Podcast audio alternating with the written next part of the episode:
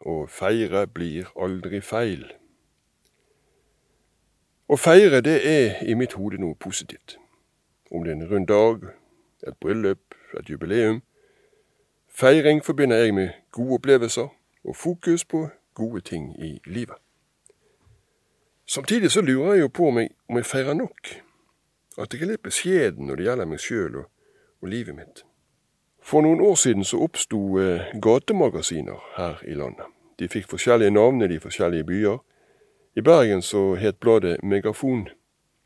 Og det ble et tidsskille for de som ble selgere. Noen av de var tidligere henvist til fortau, sittende med en kopp foran seg, Dagene gikk med til å se på føtter som passerte. Det å bli megafonselger, det var noe helt annet. Da snakket man med folk, kunne se andre i øynene og oppleve en, en helt ny verdighet. Etter første salgsuke så møtte jeg en av selgerne utenfor en av byens delikatessebutikker. Han hadde en pose i hånden. Har du vært og handlet, spurte jeg.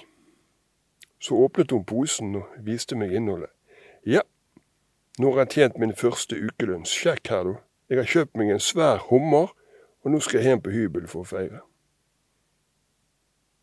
Jeg skjønner, jeg kan bli mye flinkere til å feire. Og når jeg tenker etter, så er det jo uendelig mange grunner til å gjøre nettopp det. Vennskap, arbeid, familie, helse. Alle gode opplevelser. Grunner som så altfor ofte farer forbi og som fort blir fortid i mine travle dager. Nå er selvsagt livene våre forskjellige, og jeg skjønner at noen til tider kan oppleve dager der feiring ikke er det første man tenker på. Men om ikke annet så kan jeg feire at det er blitt mandag atter en gang.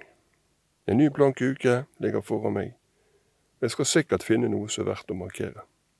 Det trenger jo ikke alltid handle om de store merkedager og de store anledninger. Jeg kan tenne et lys hjemme på bordet, jeg kan feire at jeg har et hjem å gå til, eller kanskje unne meg en dessert midt i uken, bare fordi jeg kan gjøre